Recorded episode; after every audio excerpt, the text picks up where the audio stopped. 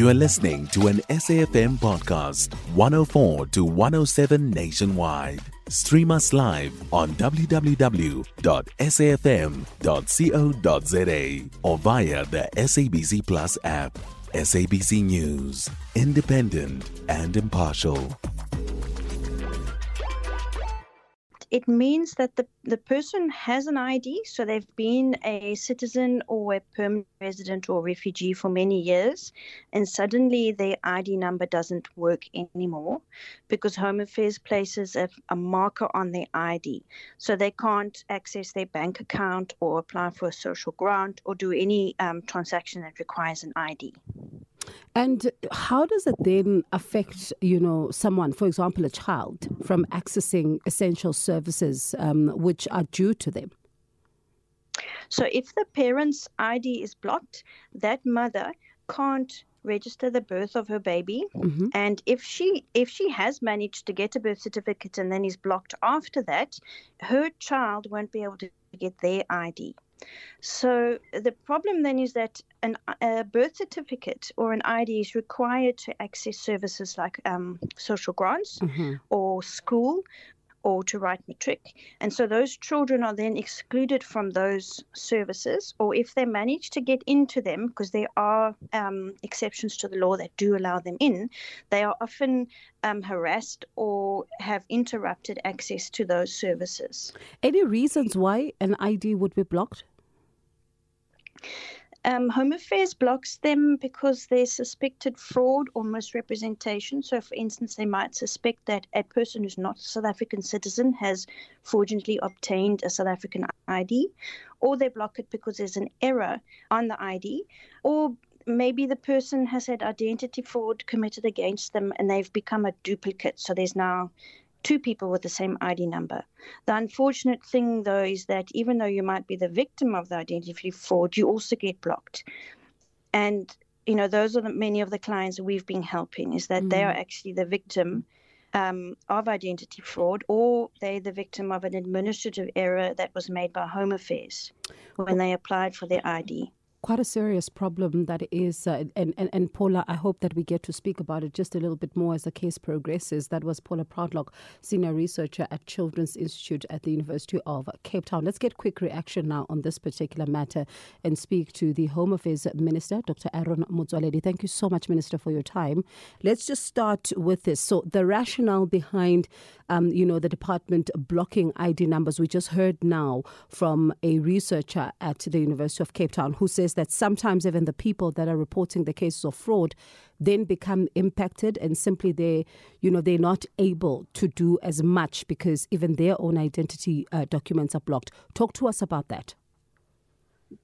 Yeah bongi first of all let me tell you that we took a decision in may no longer to do that uh, because it's not provided for in the law even if there, there was a good rational reason why home affairs were doing it.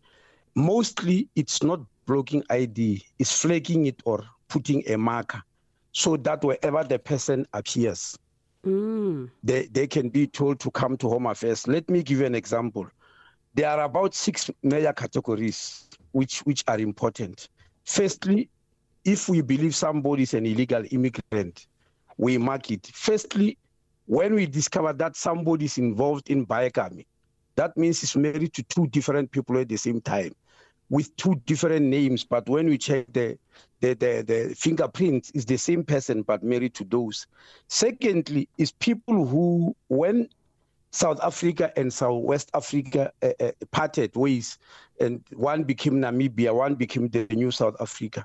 All records were transferred, except 7,620 people who did not transfer their records, and, and so they are living in both countries at the same time and getting benefits in both countries. So whenever we meet them, because we don't have their addresses, we flag the ID so that they are forced to come here. The extraordinary majority are duplicates mm. where people have yes have got one person have got multiple IDs or two people are sharing IDs. Now one of them comes to us and and we cannot do anything until the other one appears. It might be the other one who shares an ID, does not have any transaction, does not need any ID, is not going to appear anywhere, The old addresses gave us no longer exist because people apply for an ID 20 years ago and change address and move around. So we flag it so that uh, the person, whenever they appear in court or wherever, they can be sent to us to resolve the issue. The the other uh, two reasons is when somebody is under investigation for corruption activities and we want to make sure whether it's just a suspicion or not. And the last is where people apply from embassies abroad, but their applications are incomplete. We just mark them so that wherever it appears, we know that this matter has not been resolved. Now, Bongi, you mentioned the court case.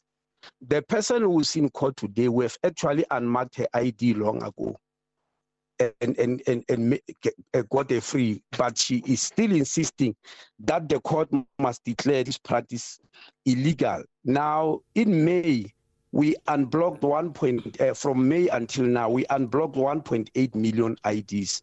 We are remaining with 702. Those are the ones who falls within this category, and we wanted to unblock them because yes, we accept that uh, the law did not provide us for uh, that, but Home Affairs officials did not have any other avenue. But uh, so we are left with seven. Made their calculations. If we just unblock them without resolving the problem, the banks in South Africa jointly are likely to lose in the vicinity of uh, 17 billion rand. Mm. You know? mm. Mm. Yes, that's that's exactly where we are, and it's not that all these 702 are unblocked. Every week we unblock them as the issue get resolved. For instance, where they are duplicate ID, if both people come in, we take their fingerprints, we check who applied first, we pack them, and the matter is ended, and we remove the marker.